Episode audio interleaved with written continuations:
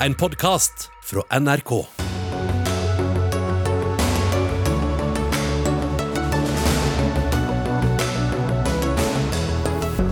Regjeringen følger ikke forsvarssjefens råd, kjøper 54 nye stridsvogner. Et, et, medlem av Forleggerforeningen spør om ikke et annet medlem bør ekskluderes. Hvordan ser det ut for en forening som har som mål å forsvare ytringsfriheten? Flere medlemmer i lokallaget ledet av Trond Giske skjønte ikke at de meldte seg inn i Arbeiderpartiet, ble irriterte da de fikk velkomsthilsen fra Jonas Gahr Støre. Og om barnet ditt får ADHD-diagnose eller ei, kan avhenge av hvor i landet du bor. Så stor variasjon at det kan kalles lotteri, mener forskerne. God fredagskveld og vel møtt til ukas siste Dagsnytt 18, hvor vi også skal innom både Iran og helvete. Jeg heter Sigrid Solund. I dag ble det bekreftet. Regjeringen kjøper 54 tyskproduserte stridsvogner av typen Leopard 2A7, med mulighet for å kjøpe 18 til. Kostnadsrammen for det hele er på nærmere 20 milliarder kroner. Dermed går departementet på tvers av rådene fra forsvarssjef Eirik Kristoffersen, som ville kjøpe luftvern, langtrekkende presisjonsild og helikoptre framfor disse stridsvognene. Men forsvarsminister Bjørn Arild Gram, dere valgte annerledes. Hvorfor det?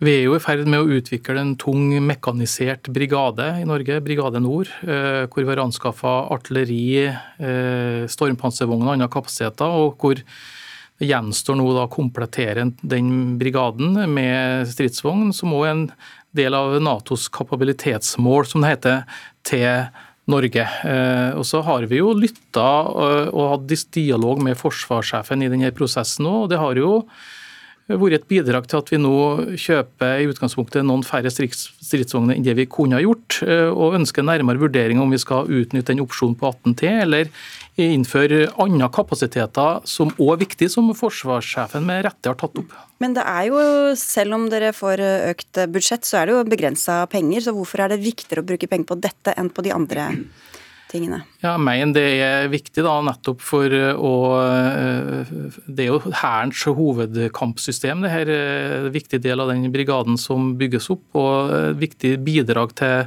allianseforsvaret i Nato. Eh, og, men det gir jo da rom for å vurdere det som forsvarssjefen nå har tatt opp, nemlig andre viktige kapasiteter som langtrekkende presisjonsild og luftvern, som òg er viktig. Ja, Forsvarssjef Eirik Kristoffersen, du vil vel ikke akkurat kritisere forsvarsministerens avgjørelse, men det var jo ikke dette du primært ønsket deg. Eh, hvorfor ville du heller prioritere annerledes?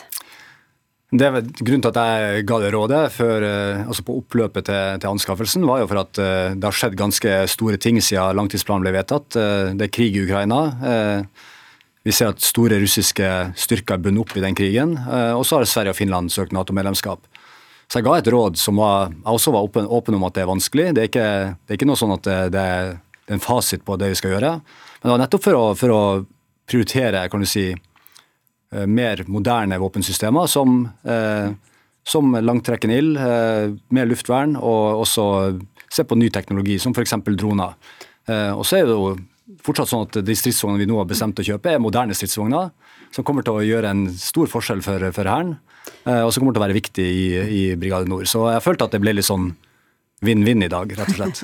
Men vi har jo sett eh, hvor mye Ukraina ønska seg stridsvogner. Den, den, endringen som du beskrev, hvorfor gjorde det det mindre nødvendig med stridsvogner i Norge? Vi, et, vi, er i en spesiell situasjon nå. Eh, den russiske si, landstyrkene er, er, bundet opp i Ukraina og kommer til å være det i overskuelig fremtid. I hvert fall de som opererer i våre nærområder på Kola. Ehm, og de eh, kommer til å bruke noen år på, på å gjenopprette de, så det er et vindu nå til å, til å utvikle kan du si, eh, også hvordan vi skal både avskrekke og forhindre at det blir krig i Norge, som er det viktigste, men også hvordan vi skal forsvare oss hvis det skjer. Og Da eh, mener jeg at det å satse på, på både luftvern og, og ny teknologi, lette styrker, er, er viktig. og det skal vi også gjøre nå, da. Tidligere forsvarssjef Sverre Disen kaller innkjøpet patetisk, helt på tvers av hva Forsvaret bør satse på. Det er jo intern uenighet her mellom eh, kapasiteter, eh, Bjørn Arild Gram. Eh, er det dette vi trenger først og fremst, ut fra den situasjonen som beskrives her også? Det her er en tung, viktig satsing som har vært under planlegging og utredning i lang tid, i flere runder, og hvor det har vært konkludert i i alle rundene om at vi trenger stridsvogn fortsatt i Norge. Så har det hele veien vært uenighet om det i Forsvaret og i forsvarssektoren. og det Sånn er det jo, det er, og det er argument for og mot, som forsvarssjefen her sier. Og så har vi nå da landa på at vi, vi, står i det løpet som Stortinget har lagt etter de her grundige utredningene. Samtidig som jeg sier, at vi òg åpner for å vri deler av satsinga inn mot de nye kapasitetene som forsvarssjefen har pekt på. Og Det kom jo inn farlig seint, Kristoffersen, dette rådet på oppløpssiden etter å ha forhandla ganske lenge, og lenge etter at eh, Stortinget vedtok det sånn. Hvorfor kom du med det nå, helt på oppløpssida? Det, det, er veldig mye som har skjedd siden 24.2 i fjor. Eh, at det er krig i Ukraina, at, eh, at Russland bruker så mye av landmakta si der. Eh, og eh, samtidig at, at, Sverige og Finland har søkt Nato-medlemskap, er, er, store endringer. og Da må jeg også se på hva, hva betyr det for oss. Eh, og så tilbake igjen til det du starta med. Det var en, Den dialogen jeg har hatt med både forsvarsminister og regjeringa, har vært veldig tett og god. og og vi har jo endt opp på et antall nå som også frigjør eh, både midler og, og, kapasitet til å se på andre ting. Men hva, man, hva, får du ikke, da, når dette innkjøpet skjer allikevel? Det jeg ikke får? Eh, nei, det er jo Det blir jo et spørsmål om volum på de andre tingene. Altså både, både luftvern, eh, som jeg mener er det aller viktigste, men også eh, kan du si, hvordan vi skal kunne endre et helt konsept da, i, i, i landstyrkene våre. Det gjør vi ikke nå. Og, og så har det nå bestemt at vi skal ha en tung mekanisert brigade, og det, da ligger liksom den ballen død, da. Gram. Ja, eh, og det er jo igjen, det er ulike argumenter her. Jeg vil også si det at et, et, et eh, samla eh, Norden i Nato åpner jo noen nye muligheter som er relevante i diskusjonen her òg. Det er jo klart at våre nærmeste naboer har jo all Leopard stridsvogn. Mm. Sverige, Finland, Danmark, Tyskland, Nederland. Og det, ja, det gir det jo oss en Det bygger et godt grunnlag for eh, samvirke til å operere felles. Og også se etter synergier og stordriftsfordeler. så så, det, så, Diskusjonen om Sverige og Finland bringer med seg ulike momenter i diskusjonen og argument i retning for stridsvogn, vil jeg si. Hårek Elvenes, du er forsvarspolitisk statsperson for Høyre, og du er mer misfornøyd med at man ikke gikk eh, inn for alt og kjøpte disse 18 i tillegg med en gang. Hvorfor det, når du hører den situasjonsbeskrivelsen her? Nei, alt eller intet er vel egentlig ikke spørsmålet. Eh, poenget når man nå kjøpte stridsvogner, var jo å komme over en kritisk masse. For det er jo fire bataljoner etter hvert. For brigaden får vi en ny kampbataljon som skal utstyres med stridsvogner. Og da må man jo ha et visst antall, slik at dette blir meningsfullt. Og sånn sett så virker jo tallet 54 fornuftig. Men jeg merker meg jo at det nå åpnes et økonomisk handlingsrom mellom de 54 som man kjøper og de 72 som ligger i budsjettramma fra Stortinget, som ble vedtatt i 2021. Regjeringa har jo egentlig fulgt opp to stortingsvedtak som den forrige regjeringa eh, fremme overfor Stortinget. Det handlingsrommet der må jo utnyttes og komme Hæren til gode.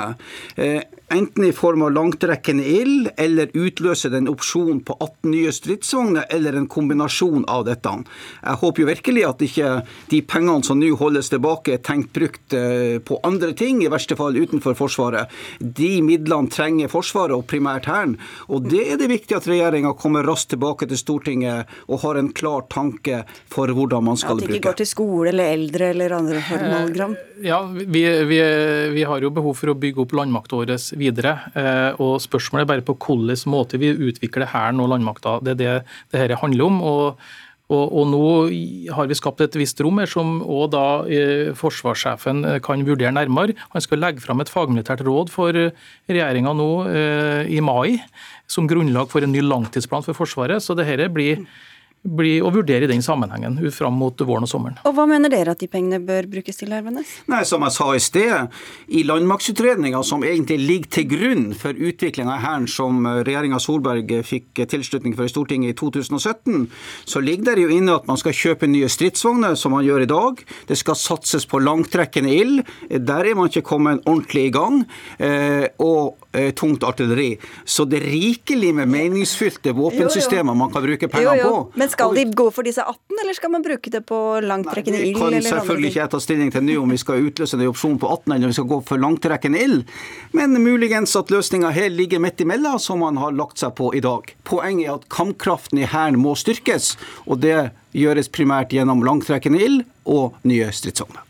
Ja, og Artilleri har vi jo uh, anskaffa. Vi har bestilt ytterligere artillerivogner for å styrke den kapasiteten. Og vi har prosjekt på gang for å vurdere langtrekkende presisjonsstil, som er type HIMARS MLRS-system, som vi kanskje har, som vi har hørt om i diskusjon fra, fra uh, Ukraina. Da. Uh, som er en viktig kapasitet. Det, har, det er vi enige om, og det har forsvarssjefen rett i. Vi har, jobber jo med jobber jo med det. Spørsmålet er hvor mye skal vi ha av det. og Nå er det skapt et rom for å vurdere enda mer enn det som ligger i langtidsplanen.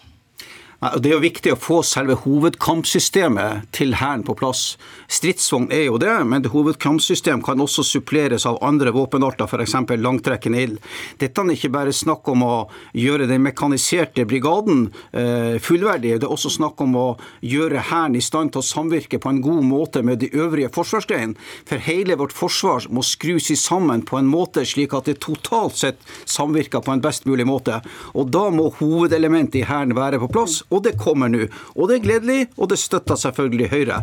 Selv om vi gjerne skulle ha sett at dette skulle komme i 2025, som var den opprinnelige planen, og ikke i 2026. Okay. Men dette er bra, det er Høyres generelle eh, Ros fra Høyre. Du får ta det med deg, forsvarsminister Bjørn Arild Gram. Og i mai så kommer du med dine råd, Erik Kristoffersen, for hvordan Forsvaret skal se ut framover. Så vi ses vel igjen da?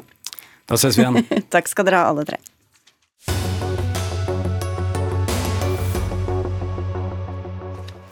Demonstrasjonene, fengslingen og henrettelsene i Iran fortsetter, selv om det ikke får like stor oppmerksomhet lenger. Tidligere denne uka ble et iransk par i 20-årene dømt til fengsel i over ti år. Forbrytelsen? De delte en video av at de danser tett foran det kjente Asadi-tårnet i Teheran. Kort tid etter at videoen spredte seg på sosiale medier, ble paret pågrepet og stilt for retten. Homan Sharifi, du er koreograf og selv født i Iran dans. Hvorfor blir det slått så hardt ned på?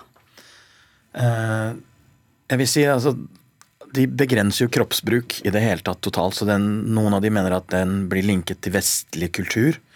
Noe som ikke er helt sant. Altså, man danser iransk kultur hele veien. Det har man alltid gjort. Uh, det er en totalitær regime som kontrollerer det meste. Alt som vi vet med forhold til kropp.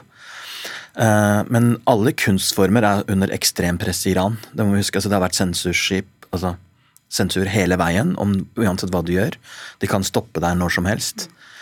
Men det er jo ganske interessant å se interessant, interessant, det er ganske, hvor heavy det er å leve i det landet der, der du bare liksom danser foran et sånt, så blir de tatt.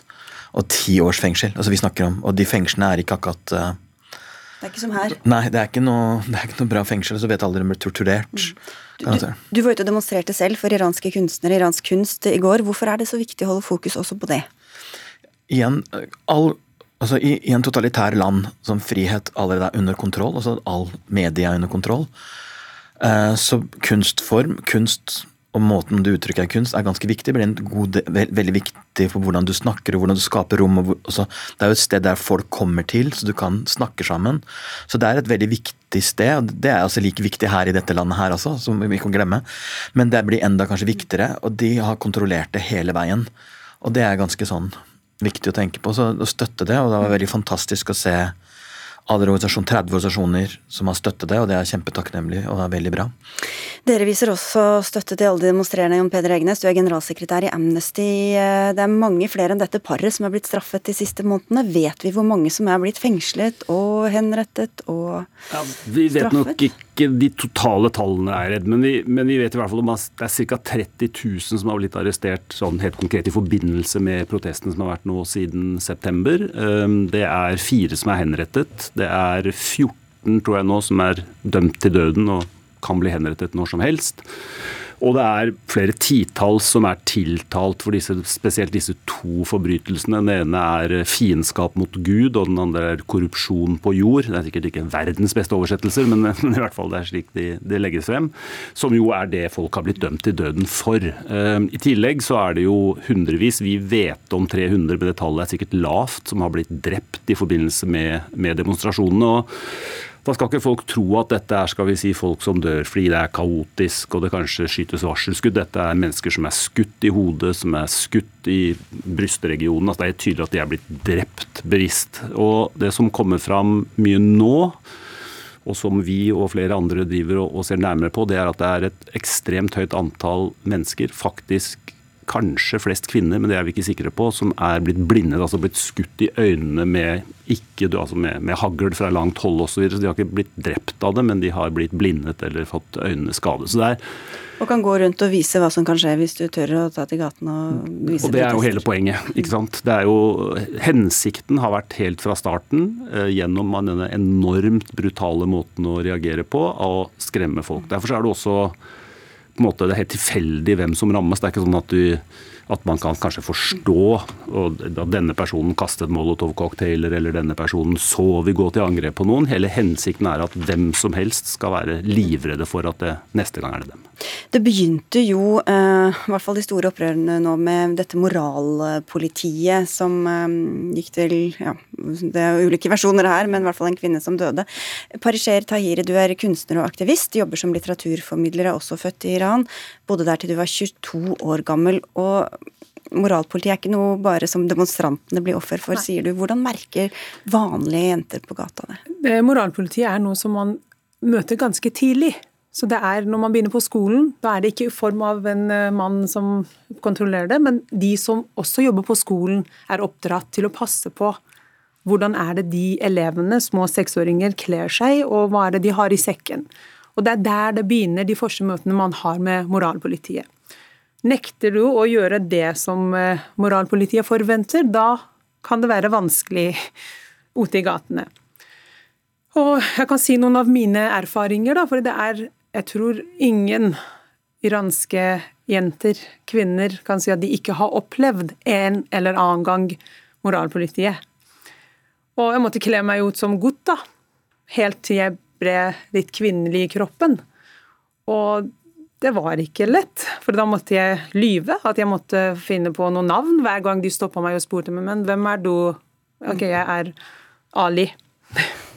Det var det. Og og etter det, da var det igjen at man, man må finne andre utveier. For Hva er det de kan slå ned på, da, hvis de ser deg på gata f.eks.? Det, de det er veldig mange forskjellige ting, og forskjellige tider kommer de med nye eh, lister. da. På, de går ut med forskjellige lister der det står solbriller, maskara på øynene, neglelakk, kort eller upassende klær, farget og ikke passende riktig hijab, alle de der. Og da enten betaler man seg ut, så man får bøter, eller skal man straffes på en eller annen måte. Så det er forskjellige grader, men de er stadig ute, og mange forskjellige steder. Ute i gatene, flyplasser, universitetet, sykehuset. Uansett hvor du er i et offentlig rom, er de der. Og når vi hører disse kontrollmekanismene og hva som kan skje, eh, Sharifi, hvem er det som tør å gå ut og demonstrere og vise og protestere nå, da? Jeg tror det er ganske viktig å tenke at det er ekstremt modige mennesker som bor der og går tatt i gater. Vi må også tenke at realiteten er noe annet enn det vi har her i Norge. Her kan vi si at når det er 10 000 mennesker, så er det veldig mange. Så her må du vite at hver menneske vi hører om Iran, så er det en million bak dem. Og de må bli presset så ekstremt at de går på gatene og egentlig, som du sier, leker med livet. Og setter livet sitt på spill. Så her må vi også huske at det er ekstremt modige mennesker. Og så må vi huske at det er ikke noe nytt. Det der har foregått over 40 år siden regimen har vært der. Det er bare at det er nå vi tar det opp. Så jeg tror en del av ansvaret vi har her, er å holde det gående. Så takknemlig at dere tar det opp. Veldig fint at organisasjonene tar det opp. Det er veldig viktig at vi holder det oppe hele tida. Vi må også huske at afghanske kvinner kommer ikke til å gå på skole lenger. Ikke sant? Kvinner i Iran blir presset, minoriteter blir presset. Forskjellige folk fra en ligning blir presset. Det er ikke noe som stopper. Så jeg tenker det er veldig viktig at vi støtter de modige folka, og på en måte støtter dem hele veien. Og ekkoer deres stemmer, som, som, fri, som vi er, da. Men hvem lytter de til, da, om noen, Egenes? Hva, hva kan det internasjonale samfunnet gjøre? Ja, altså, jeg vår erfaring er at iranske myndigheter, eh, når det gjelder, altså ikke, ikke i forhold til de store systemiske endringene, men f.eks. For i forbindelse med at en person skal henrettes, så, så lytter lytter de til når presset blir stort. De lytter til andre lands myndigheter, de lytter til det faktum at de, at de vet at det er titusener, hundretusener av mennesker andre steder i verden som, som er med på dette. De, de, man får et inntrykk av at uh, autoritære regimer liksom overhodet ikke bryr seg akkurat hva de driver men sånn er det ikke. De, de, må balansere skal vi si, omdømmet sitt lite grann. Så, så, vår erfaring er jo særlig på dette med, med, enkeltmennesker, og hvis man klarer å redde ett enkeltmenneske fra galgen, så er det jo verdt å, å gjøre noe. Så, så, kan man faktisk skape det presset som gjør at dødsdommen gjøres om. Det har vi, har vi flere erfaringer for. Mm. Det som også er viktig nå, det er at FN har jo vedtatt at de skal opprette en granskingskommisjon som skal samle inn beviser for uh, disse forbrytelsene som har begått. Uh, men det er ikke nok at den gruppen er opprettet og vedtatt, den må jo nå begynne å jobbe. For det er også noe av håpet iranske mennesker har, at en dag skal disse myndighetene stå til ansvar. Jeg tenker Det er bare veldig viktig at det er et veldig godt spørsmål. Jeg tror det har vært veldig gøy å se der, det programmet rett og slett konkret spørsmål. Hva kan norske myndighetene gjøre? Fordi det er også veldig uklart. Man kan gå og skrike og be om det ene og det andre, men det er jo ikke sikkert norsk regjering kan gjøre det. Så det er, jeg anbefaler en jeg vil gjerne se det programmet, for det sånn. Så takk for det. altså, hva kan de virkelig gjøre? Fordi det har vært gøy å høre. Hva er det konkret kan et, et land gjøre? Taheri, jeg skjønner du kommuniserer mye med familien hjemme i Iran via nærmest koder på telefonen når du forteller om hva som skjer her og hva som skjer der. Men hvordan klarer dere å holde troa og motivasjonen oppe? Det, det, har vært veldig lite kontakt med min familie i Iran. Og da har vi skapt oss en type koder, da. Som når vi snakker om ung eller gammel eller vår eller vinter. Og det er sånn veldig liksom, enkle ting at når jeg skal si at jeg har sagt noe i en samling eller i en demonstrasjon. Da har jeg sagt ja, det har vært bursdag her, og det var masse folk i denne festen. Mm. Og da sier pappa å, så bra. Det er Så de tror at eh, det blir kontrollert. Og det har, de, har regimet òg gjort i flere tilfeller, da. Men du gir ikke opp? Nei, det, det skal man ikke. Så vi har en kamp å kjempe. Vi får ta det med oss, da, og så får vi prøve å lage det programmet. Takk skal dere ha, alle tre, for at dere var med i Dagsnytt 18. Tusen takk.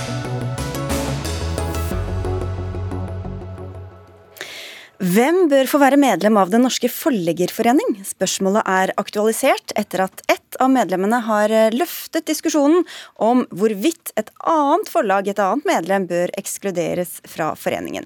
Det er dere som reiser dette spørsmålet, Bente Pilstrøm, du er forlagssjef i Humanist Forlag, og spør om Legatum Forlag egentlig bør få være medlem i Forleggerforeningen. Hvorfor har dere reist dette spørsmålet? Så det jeg først og fremst tar til orde for, er jo eh, at vi trenger en diskusjon i Forleggerforeningen om vi har vedtekter som er gode nok til å møte ekstreme aktører i bransjen. Det er det jeg lurer på, for disse, disse folka her, de har jo som strategi å komme seg inn i foreninger og få tilgang til plattformer for å gi legitimitet til det de driver med.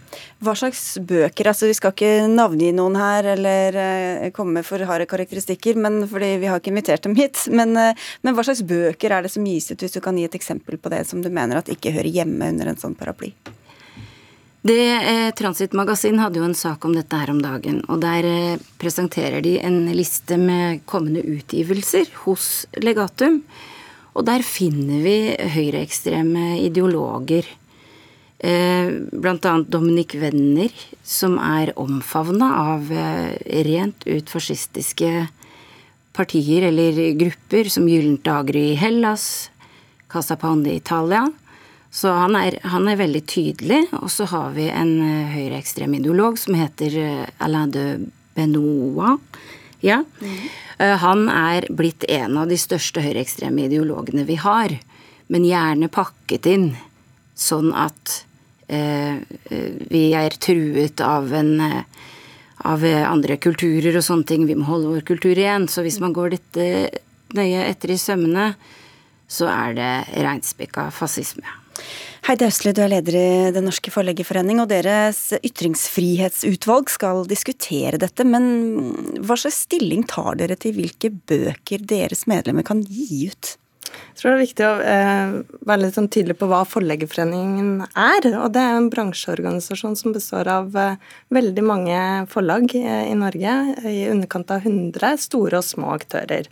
Eh, vi eh, tar medlemmer inn til oss som har forlagsvirksomhet eh, i Norge, og så gjør vi en vurdering. Man må ha hatt en utgivelse i løpet av den, ja, en viss periode, bl.a. Og så må man drive innenfor norsk lov og god forlagsskikk.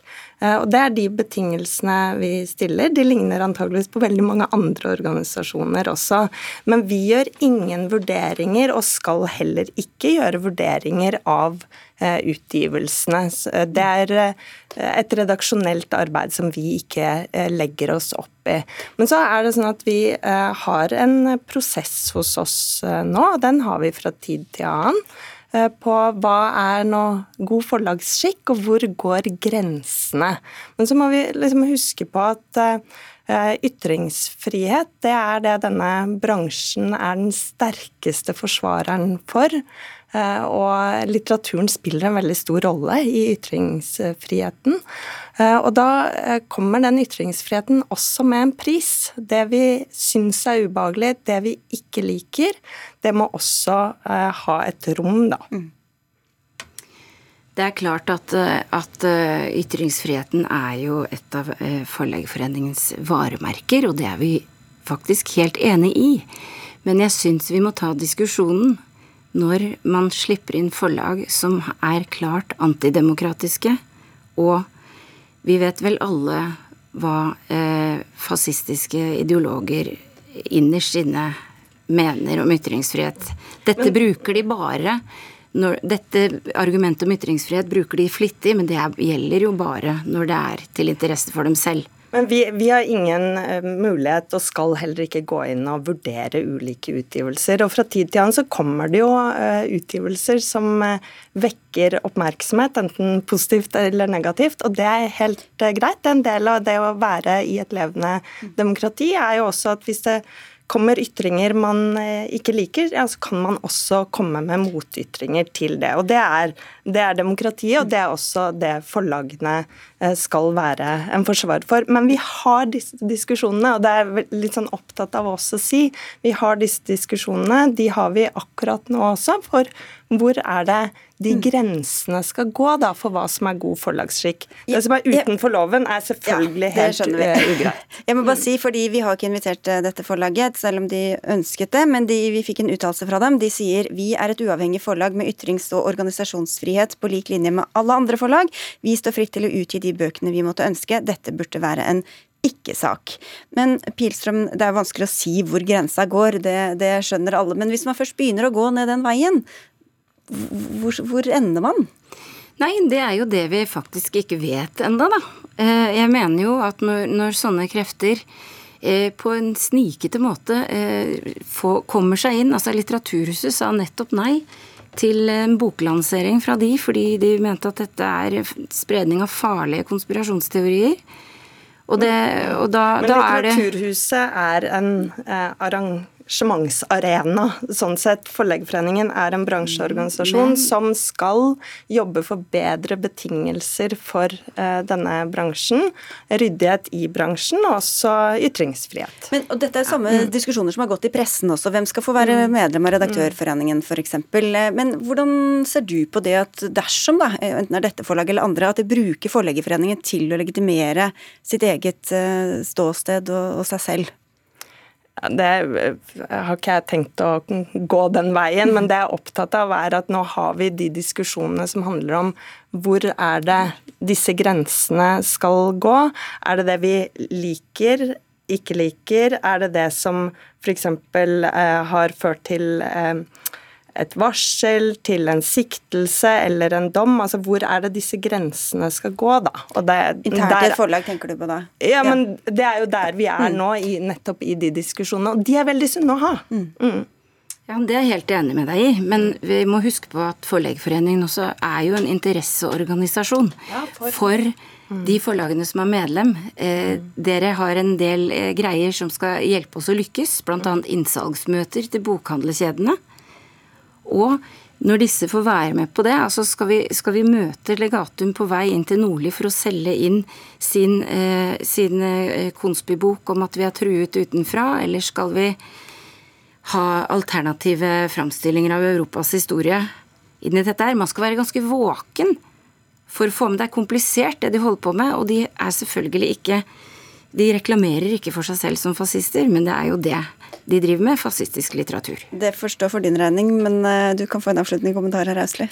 Ja, altså, Forleggerforeningens rolle er å jobbe for eh, ytringsfrihet og gode vilkår for eh, denne bransjen, og jeg er helt sikker på at det klarer vi å skille. Og så har vi disse diskusjonene. De er sunne å ha. Og så er det mm, sånn at vi har noen eksklusjonsmuligheter i dag, og, men jeg har ikke tenkt å gå inn og kommentere dette direkte. på Da får vi se hvor dette utvalget deres lander. Ja. Så var begge opptatt av diskusjonen. Den fikk vi her. Takk skal dere ha begge to. Heidi Østli fra Forleggerforeningen og Bente Pilstrøm fra Humanistforlag.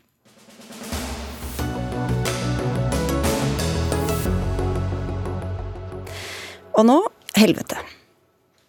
Hvordan kan du, som er uomvendt, hvordan kan du legge deg rolig til å sove om kvelden. Du som ikke vet enten du vogner i din seng eller i helvete. Ja, For 70 år siden skremte teologen Ole Hallesby radiolyttere over hele landet. Mange har avlyst fortapelsen i årene som gikk eh, siden, men på årsdagen for talen tok du opp spørsmålet opp igjen i Aftenposten, Espen Ottosen, teolog og informasjonsleder i Misjonssambandet, og sitter klar med Bibelen her. Finnes helvete fortsatt, altså? Ja, det er jo et krevende spørsmål. Eh, og jeg ville ikke formulert meg sånn som Hallesby gjorde her, som vi hørte. Eh, men eh, jeg synes nok at Bibelen, og kanskje særlig en del av det Jesus sier om eh, dommedag og fortapelse og himmel og sånn, jeg synes det er såpass tydelig at jeg tør i hvert fall ikke å avlyse det, selv om eh, det er mye jeg ikke vet om hvordan Gud kommer til å dømme. Men eh, et av de mest kjente bibelversene så sier jo Jesus at eh, for at hver den som tror på meg, ikke skal gå fortapt. Da er det jo logisk å tenke at ja, men da betyr tro noe, og det å gå fortapt er faktisk en mulighet. Biskop emeritus Tor B. Jørgensen, ingen går fortapt, sa du til avisen Vårt Land i 2016 og står ved det i dag. Hva er det denne boka du har med deg det, sier? Det er også en bibelutgave. Det er også en bibel. det finnes mange utgaver av Bibelen. En annen utgave, ja, ja. ja, sier du. Det er ikke noe helvete der. Jo, det står det samme i denne bibelen, basically, som det står i Ottosens uh, bibel. Er, språket er litt forskjellig, og ordbruken kan være litt forskjellig. Men fortapelse er jo et vanskelig ord, det må jeg nok si. og jeg har ikke noe vanskelighet eh, med å anerkjenne både det ondes eksistens, og at eh, vi kan tape livene våre gjennom måten vi lever på. Og at eh, det har betydning for også en tro som jeg deler, at det en gang skal skje et stort under når Jesus kommer tilbake og alt blir nyskapt. Så jeg føler meg innenfor rammen av en for så vidt relativt klassisk måte å snakke om de store tingene på.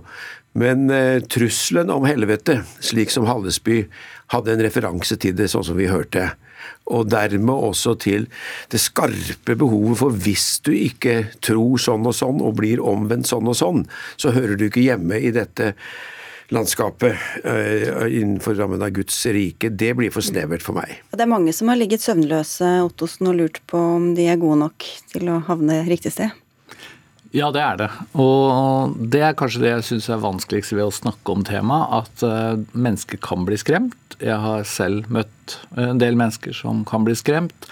Så det å snakke om dette varsomt uh, og med mere Eh, jeg å si, gjennomtenkte formuleringen Hallesby brukte i 1953, det tror jeg det er veldig lett å være enig om. Men budskapet er jo det samme, da? Ja, nettopp. Eh, skal Ja, kanskje. Altså, det går an, tror jeg, å snakke om fortapelse eller helvete på en sånn måte at man i hvert fall ikke maler opp middelalderske forestillinger om et slags evig torturkammer. Men det som for meg er hovedsaken, det er at det å utelukke at de valgene vi tar eh, kan få evige konsekvenser. Det å nærmest garantere at uansett hva du tror, uansett hva du gjør, Gud fikser. Eh, Gud tvinger deg omtrent til himmelen. Den går jeg ikke med på. Jørgensen, er det sånn å forstå at du ikke tror på det, eller at du bare ikke vil snakke om det, eller Nei, tvert imot, og jeg syns jo det er veldig interessant å høre den måten som Ottosen snakker på nå. Jeg har selv opplevd Hallesby-lignende tale i min ungdom når jeg kom fra Oslo til Stavanger og skulle begynne på misjonsskolen og gikk på bedehusmøter. Så var det ikke, Espen, langt unna at en snakket sånn, ikke sant? At hvis du ikke omvender deg i dag, dette er muligheten din til frelse, og hvis ikke, så går du fortapt. Så, så, det er jo en, et bilde og en måte å snakke på. så Derfor så er det veldig nesten oppsiktsvekkende, syns jeg, da, at Ottosen snakker sånn som han gjør i dag. og Hadde han snakka sånn for 70 år siden, så ville han ha møtt veldig stor motstand i, eget, eh, i sin egen sammenheng. Poenget er at jeg mener vel at kjærligheten og nåden er det sterkeste. Og Derfor så tenker jeg meg, og forestiller jeg meg, og dette er en forestilling som jeg har basert på min måte å lese Skriften på etter hvert, at det skal skje et stort under når Jesus kommer tilbake og holder dom. Og Da skal ondskapen bli avdekket, og da skal synden bli avdekket, og da skal alle se hvem Jesus egentlig er. Og når alle ser hvem Jesus er, i det store øyeblikket, så vil hele forsvinne på en måte problemstillingen. Ok, Så da, da er det ingen som ikke kommer til å se eh, Jesus, og dermed blir ingen dømt til evig pinsel, eller hva det nå enn er. Når vi da får møte og se virkeligheten sånn som den da blir, når vi får møte det Jesus representerer, så kan ikke jeg forestille meg og Da sier jo også Paulus at hver tunge skal bekjenne at mm. Jesus Kristus er Herre til Guds ære. Og det er liksom en sånn kjernevers for meg, da. Ja, Har du ikke større tiltro til Jesus, eh, Ottosen?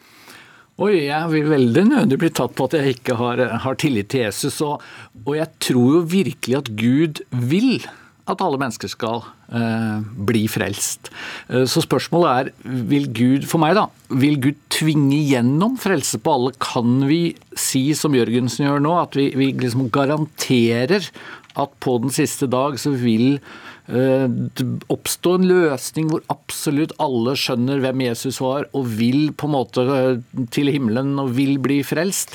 Og det, det, er, det tør jeg ikke å garantere. og For meg så er det noe med at dommen hører Gud til. Det er masse vi ikke vet om hvordan Gud dømmer. Og så er det noen antydninger i Bibelen som vi tar på alvor, men det er mye vi ikke vet. Ja, for der ligger synes... det sånn, om du, Er det handlingene eller er det troen? Hva med de som aldri har hørt om Gud osv.? Veldig mange ja, sånne Praktiske problemer. Ja, absolutt. Men, men Jørgensen går jo lenger enn å bare si 'dommen hører Gud til', og vi får håpe eh, at flest mulig blir frelst, som jeg jo vil si. Han sier jo at jeg garanterer uansett. På vegne av Gud kan du garantere dette. Ja, for meg blir det veldig abstrakte teoretiske spørsmål hvem som til slutt, når de får se Jesus sånn som han er, som skulle eventuelt si at dette vil vi ikke være med på. Jeg vil ikke si at jeg skal tvinge at Gud, jeg forestiller meg at Gud tvinger noen til, til himmelen. Poenget her er jo at dette har veldig stor betydning for livene våre. Fordi det som vi lærer, Jesus lærte oss, og måten vi skal leve på, det er spørsmål som virkelig kommer tilbake til oss. Å gå fortapt, det betyr å gå tapt og miste noe mens du lever. Og Derfor så vil utfordringen hele veien være til å ha leve, et levende håp som hjelper deg i hverdagen din. Men du gjør jo troen, slik jeg også hører deg, litt mindre viktig enn jeg er komfortabel med. Jeg jobber jo i en misjonsorganisasjon, det har jo du også gjort. Og det er klart at i møte med forfulgte kristne, i møte med de som virkelig lider for sin tro, så er det litt sånn kinkig å si at i det store perspektivet det spiller ingen rolle hva du tror. Du kan egentlig bare forkaste alt. Gud ordner opp uansett. Kjære venner, dette må jo være en vranglesning av sånn som jeg tenker. Jeg jobber daglig med konvertitter fra islam og prøver å støtte dem så mye jeg kan. De som har møtt Jesus, det blir så stort at de kan ikke tie om det. Men okay, nei, Unnskyld, for ikke meningen jeg skulle bare si at for sånn Rent praktisk så er det i hvert fall blir ikke noe helvete før Jesus eventuelt kommer tilbake.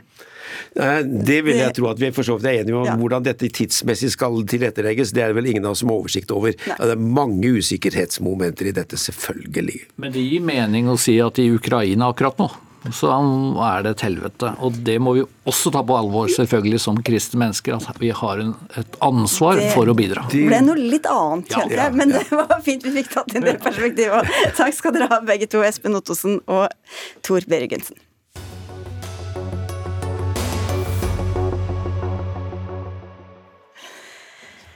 Stadig mer makt samles i Nidaros Sosialdemokratisk Forum, Arbeiderpartiets største lokallag, ledet av Trond Giske. De hadde årsmøte denne uka, der Giske ble gjenvalgt. Men samtidig skrev Vårt Land at flere som har meldt seg inn i lokallaget, har uttrykt frustrasjon over at de fikk Arbeiderpartimedlemskap med på kjøpet. Berit Strøyer Aalborg, du er politisk redaktør i Vårt Land. Hva slags reaksjoner er det dere har sett fra medlemmer når de har fått en velkomsthilsen fra Arbeiderpartileder Støre? Nei, det, Noen av de som reagerte, var jo veldig overraska, for de, ville, de hadde meldt seg Noen av de trodde de meldte seg inn i en, en, en støttegruppe for Trond Giske. Og dette er ikke snakk om ekstremt mange, men det er noen. Og da ble de litt overraska over at de da fikk, eh, fikk, en video eller en hilsen fra Jonas Gahr Støre. Da. Så det var åpenbart at de hadde ikke trodd at de meldte seg inn i Arbeiderpartiet. Og det var de ikke så fornøyd med? Nei, de var ikke det, altså. Trond Giske, nylig gjenvalgt leder i Nidaros sosialdemokratisk forum. Dette er ikke helt nytt for deg heller, du har kjent til noen sånne historier? Ja, men jeg er litt usikker på hva poenget egentlig er. fordi Om noen har meldt seg inn i Nidaros og trodd at de har meldt seg inn i et eget parti, og så melder seg ut igjen, så Vel, det er greit. Alle de 3300 medlemmene som vi nå har, har jo fått denne velkomsthilsen og er fortsatt medlemmer. Så vi har jo ikke et eneste medlem i Nidaros som ikke vet at det er et lokallag i Arbeiderpartiet. Men som andre lokallag så har vi av og til innspill til å skal vi si, forbedre regjeringas politikk. Eh, både på strøm og pensjon og andre ting.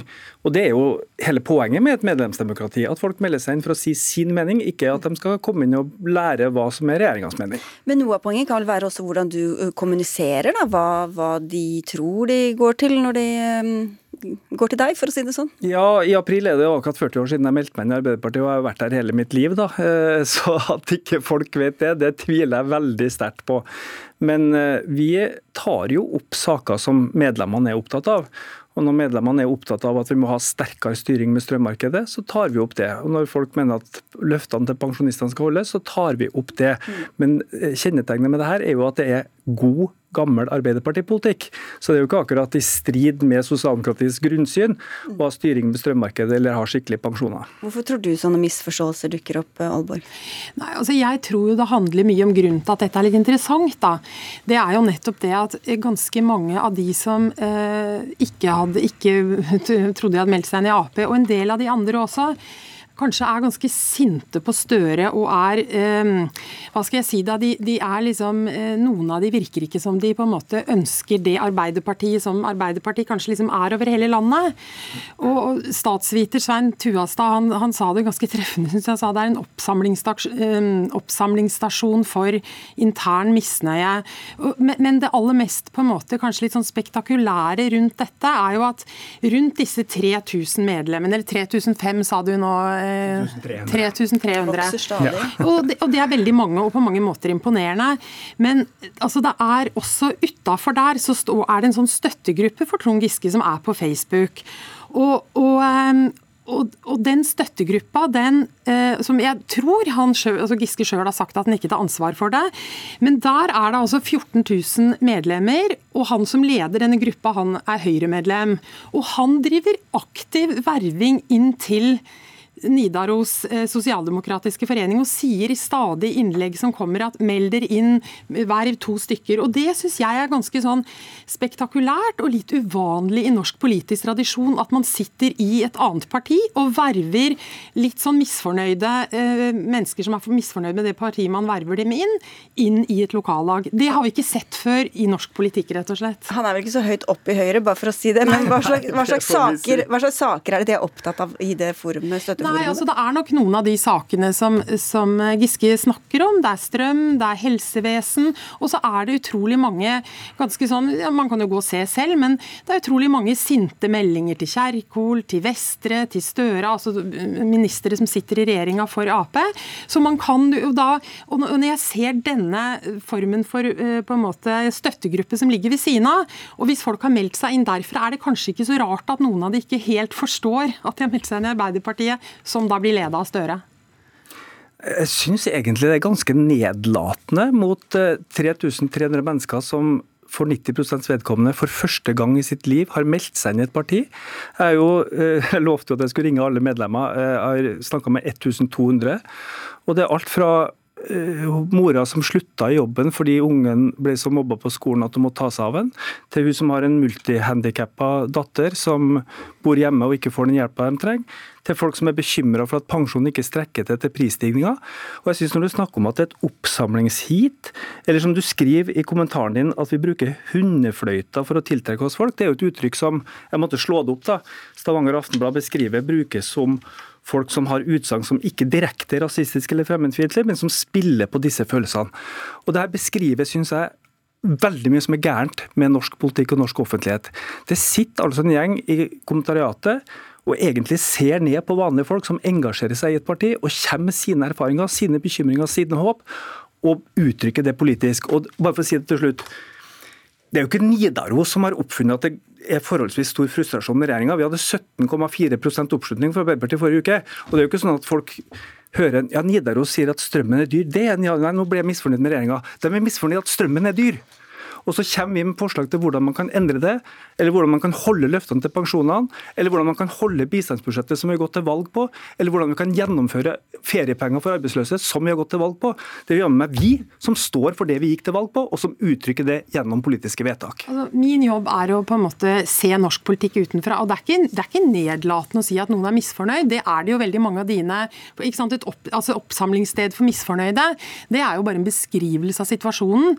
Hundefløyte, da? Ja, Kjenner du det begrepet? Ja, hvor det kommer fra? Jeg kjenner det begrepet veldig godt. Det kommer fra USA, som brukes som rasistiske uttrykk. Nei, Giske, jo, det gjør det, ikke. Det. kommer, Hundefløyte betyr at du gir en melding som velgerne, eller de du på en måte tilhengerne dine forstår. Ja, men hvem ble det brukt om? Nei, det er blitt brukt i mange sammenhenger. Jo, det er det. Men for å si det sånn at du Slutt å snakke sånn ja, om folk. Altså, Må slutte å se ned på dem. De er yes, ekte det... mennesker med ekte meninger, okay. med ekte erfaringer, som uttrykkes for første gang i politisk aktivitet. Det burde du juble over. Det kan ikke bare være kommentariatet som får lov å mene noen ting ja, om den politikken som føres i Norge. Alvor. Ja, nei, altså, Jeg syns ikke dette er nedlatende, jeg syns det er en analyse av det som skjer. Og det er jo faktisk også sånn at mange er altså Her kommer det mange fra forskjellige steder i landet som er ganske misfornøyd med Arbeiderpartiet sin politikk. Og, og, og, det må være lov til Nei, jeg syns ikke dette er leit. Jeg bare, jeg bare, beskriver det som skjer. Mm. Men det må være lov til å beskrive det som skjer, fordi det er en del av folk fra hele landet, bl.a. Geir Kristiansen, tidligere LO-leder, kommer til deg. Mm. Og det må være lov til å peke på at dette faktisk er et fenomen og et lokallag hvor folk er ganske misfornøyde med regjeringa. Så kan du si at det er nedlatende å si det, det må du gjerne gjøre. Og så er det helt fullt opp til deg å forklare hva medlemmene dine vil, og så beskriver vi det. Det er jo ikke noe annet enn det. Jeg blir nok litt irritert, for Du sier også at det er en gjøkunge. Altså, det her er ekte mennesker med ekte eh, problemer. Og En annen kommentator sa at eh, Giske og Nidaros tar opp ting som er vondt for regjeringa. Altså, jeg har sittet i regjering i ti år. Du kan si mye om det, eh, men det er ikke vondt. Du har halvannen million i lønn og privatsjåfør. Vi tar opp saker som er vond for medlemmene våre. Når uføretrygda ikke strekker til, når Nav ikke hjelper dem med å få en jobb, når ungene dine ikke får oppfølging på skolen. Jeg håper okay. mange flere melder seg inn, engasjerer seg, deler erfaringene, gjerne i Nidaros. Eh, og så håper jeg at vi får lov å mene noen ting, vi også, ikke ja. bare i kommentariatet. Det er mange ting jeg kunne sagt om dette, og mye av, av, mye av min kommentar handla om EØS-synet ditt, og det at du nå er i ferd med å, å ha en politikk som kan sette EØS-prosjektet i fare. Dette var hovedpoenget i min artikkel, egentlig. Da kan man gå inn og lese den i, på Vårt Land. Uh, Berit. Kan man lese om det. ja, man kan gå inn på mange forskjellige nettsider. Takk skal dere ha, begge to. Berit Strøyer Aalborg fra Vårt Land og Trond Giske fra Nidaros Sosialdemokratisk Forum, og også Arbeiderpartiet, for dem som ikke har fått med seg det.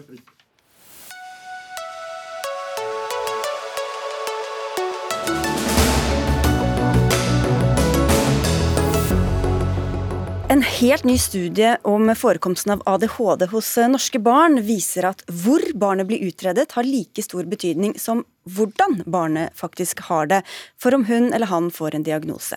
Du er en av dem som står bak studien, Arnstein Mykletun. Du er professor i samfunnsmedisin ved Haukeland universitetssykehus, og karakteriserer dette som et ADHD-lotteri på NRK Ytring i dag. Hva betyr det? Ja, det mm, det krever en liten forklaring. Um, altså Det vi har funnet, er at det er en tusen gang variasjon, nei, unnskyld, 1000% variasjon, en tigang variasjon i ADHD-diagnose mellom BUP-er i Norge. Og BUP det står for barne- og ungdomspsykiatriske poliklinikker. Det er 63 av de i Norge, og det er de som har liksom, rollen med å utrede og, og diagnosere ADHD. Og så har vi lurt på hvorfor det er så mye. For ti ganger variasjon, det er jo kjempemye. Og, og det er jo noen åpenbare forklaringer. da Vi har lurt på om det kunne handle om Eh, tilfeldigheter i data, og det har vi utelukket at det kan ikke være det. Og om det er sosial ulikhet, altså at mennesker er dårligere stilt enkelte steder og sånn sett risikofaktor og sånn, det ser heller ikke ut til å være en forklaring. Heller ikke reiseavstand til, til eh, der du får behandling. Så da sitter vi igjen med det mest plausible hypotesen vi da hadde igjen. Det var jo kanskje barna er forskjellige mellom områdene. Sånn at i noen steder i Norge er det mer ADHD i befolkningen enn andre steder. Og det kunne vi bruke mor og barn-undersøkelsen til. 40 000 deltakere der. Og det, det, da begynte det å bli litt spennende. For da fant vi ut at heller ikke det var en forklaring. Så da var det liksom sånn jøss, yes, ok, hvis, hvis barna er like, men de likevel får ADHD-diagnoser kjempemye oftere noen steder enn andre, da må det jo være noe med legene og psykologene. Og det var det vi har liksom landet på, da, at det er rett og slett en holdningsforskjell blant klinikere. Altså noen, noen, setter diagnosen mye fortere enn en andre gjør? Ja, med, med lavere indikasjon. Bare for ja. å si liksom, for Man tenker gjerne på ADHD som noe man har eller ikke, men, men, det er nok kanskje feil. Det er ikke som et beinbrudd hvor du liksom enten har beinbrudd eller så har du det ikke. Liksom tydelig og klart. Men det er mer grad av, akkurat sånn som blodtrykk. Så det er mer en skala. Og så på mm. den skalaen så på et eller annet sted setter man en grense. Men blodtrykk er enklere, det er lett å måle. Mens, mens ADHD det er mer en sånn sammen... Symptomsamling? Symptomsamling, ja. Som må da utredes, eh, og, og det er en kompleks utredning. Og så blir det et klinisk skjønn, da. Og det er i det kliniske skjønnet hvor det er rom for så stor variasjon. Og så spørs det da hvem som gjør rett, da, om det er de som diagnostiserer mange eller få. Du kan ta på deg hodetelefonen, ja. Mykletun. Henrik Vogt, du er lege og forsker ved Senter for medisinsk etikk, og er en av dem som har en restriktiv holdning til å stille denne diagnosen. Hvorfor er det grunn til det? Ja, nå jobber ikke jeg som kliniker akkurat nå, men jeg er, nok, jeg er nok eh, mer kritisk eller mer skeptisk i den retningen blant dem som er veldig liberale med den diagnosen. Dette voldsomme spennet som er avdekket. da. Eh, og, og, min bekymring eh, vel, er vel sikkert den som kanskje de klinikerne som er restriktive ofte har, og som jeg har hatt lenge, at jeg er ledd for at ulike interessekonflikter blant profesjonelle, blant legemiddelindustri, blant lærere, altså faktorer i samfunnet skal gjøre at vi plasserer eh, måtte, problemet som kanskje burde vært problemer som kunne vært eh, forstått på andre nivåer, på samfunnsplan, politisk, kontekstuelt i disse barnas liv, i, måtte, i barnas hjerner. At F.eks. skolen er ikke laget for barn som oppfører seg sånn eller for sånn? Eksempel, eller? At det er noe, eller at det er ting i miljøet rundt barnet som, som, eh, som, som stressfaktorer som forårsaker noen av symptomene, og den type ting. Eh, når, I de tilfeller det skjer, så tenker jeg at det kan karakteriseres som en form for overgrep mot barn. At man liksom, voksenverden plasserer problemet i deres hjerne på en måte når det kunne vært plassert på andre nivåer. og at de da også for så vidt også det kan eh, gå glipp av annen type hjelp som ville vært bedre, eller at man tilrettela hverdagen, konteksten, samfunnet på en bedre måte. Det er min bekymring. Hvis vi tenker at det finnes en restriktiv og en liberal fløy, så tilhører du kanskje den siste, da. Lars Lien, du er leder i Norsk psykiatrisk forening. Hva sier du til det Vogt sier her? Nei, Jeg er jo veldig uenig. Altså, jeg har for så vidt uh, stor sans for argumentet om at uh, dette dreier seg selvfølgelig om et samfunnsproblem. Det dreier seg om psykososiale funksjonshindringer for mange barn. Uh, men det er ikke sånn at vi kan liksom vente på at det skal bli bra før vi gir god og adekvat behandling. Og så er det et eller annet med at Den behandlingen vi har er veldig god. Den er ganske sikker. Eh, det har noen bivirkninger, men den treffer veldig godt og egner seg veldig godt for barna. Og det som er Min bekymring, er jo at, som jeg har sett som kliniker og overlege eh, innenfor eh, rusbehandling, er jo at veldig mange av disse pasientene jeg har behandlet da, som voksne, de burde absolutt ha fått ADHD-medisin som barn. Og ville hatt et mye bedre forløp i løpet av sitt eget liv hvis de hadde fått behandling tidlig. Ja, altså en av de tingene som kanskje denne studien slår måtte slå hull på, er jo at, eh, at det, er, det er skapt et sånt bilde av det som noe sånn litt sånn vitenskapelig som man har klare svar på. Eh, men sannheten er at det finnes ganske store usikkerheter både om hvordan man skal forstå dette årsaksmessig, hva, hva er dette, hvordan man skal diagnostisere det, og ikke minst da også pragmatisk hvor godt behandlingen virker. Så det at den der bildet som kommer fra psykiatrisk hold om at dette er noe vi har sikkerhet om, som vi har behandlinger som er veldig spesifikke mot osv., det er jeg ganske skeptisk til. Og når det gjelder evidensen for hva som virker her, hva som er bra for disse barna over tid, så er det stor usikkerhet og kanskje overraskende for folk flest dårlig forskningsgrunnlag for det i forhold til hvor omfattende denne behandlingen er. Få en lin, og så skal du få ordet, Mykletun. Lin. Ja, det er, det er, jeg helt uenig i. Altså, min erfaring er at det er masse gode studier eh, som tyder på at eh, dette bedrer livskvaliteten både for barna og for de voksne som får god behandling, god og riktig behandling. Slik at Jeg mener det er en unnlatelsessynd å ikke gi adekvat behandling. Og Jeg er også ganske uenig i at diagnosen bare er en sånn Eh, subjektive altså Det er ingen diagnose og ingen utredning som er mer grundig enn ADHD-utredning innenfor psykisk helse. Man spør ofte barna, foreldrene, skolen gjør ofte nevrokognitive eh, undersøkelser.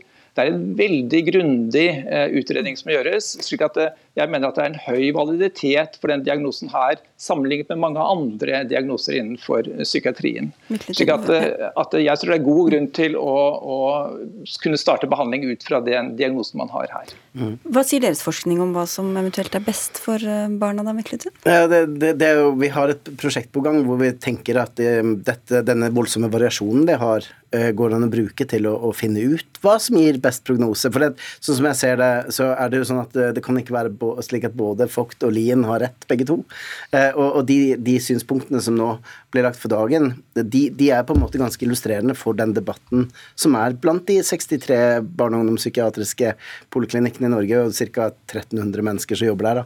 Så, så, det er varianter av de synspunktene her. Jeg syns vi har fått frem de to ytterpunktene i den debatten ganske godt. Det, det, men det forskningen sier, da, sånn som jeg leser den, og det er kanskje Lien ikke er helt enig med meg i det, det er et par hundre eksperimenter som er publisert i verden på ADHD-medisinering av barn. Og på at ADHD er en veldig spesiell diagnose i barne- og ungdomsfeltet. For det er den eneste der hvor medisinering er primærtiltaket. Alle de andre diagnosene, der er det jo primærtiltaket faktisk psykologiske eller sosiale intervensjoner. Så dette er en særstilling, ikke sant.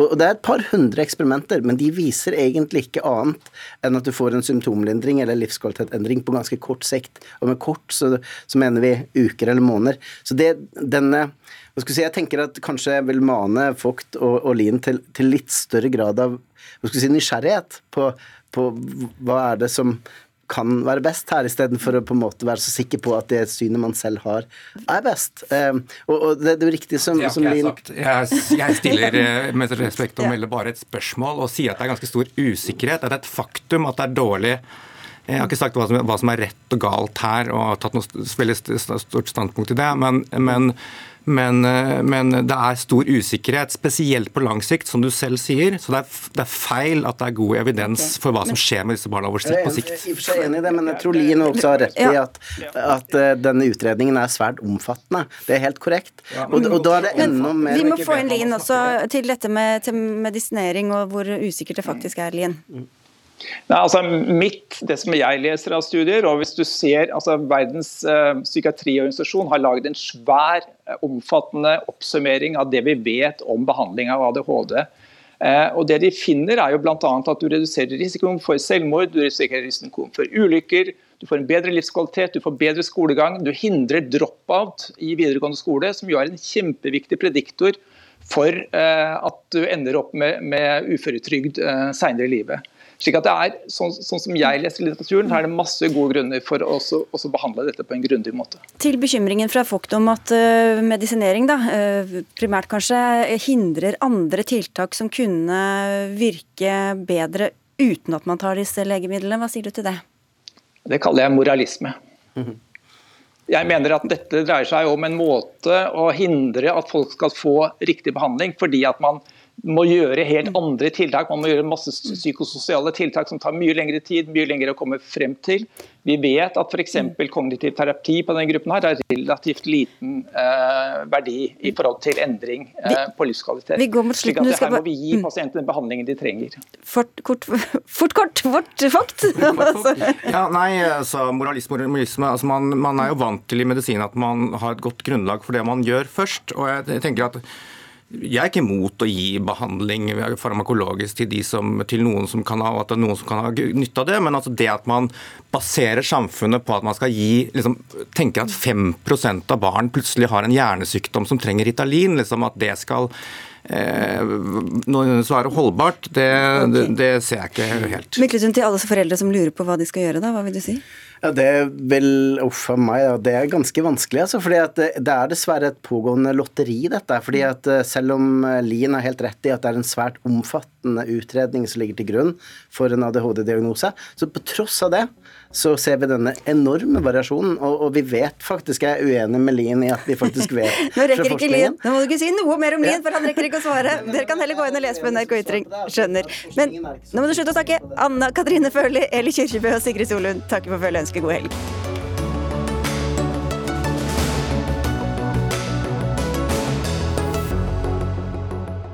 Du har hørt en podkast fra NRK. Hør flere podkaster og din favorittkanal i appen NRK Radio.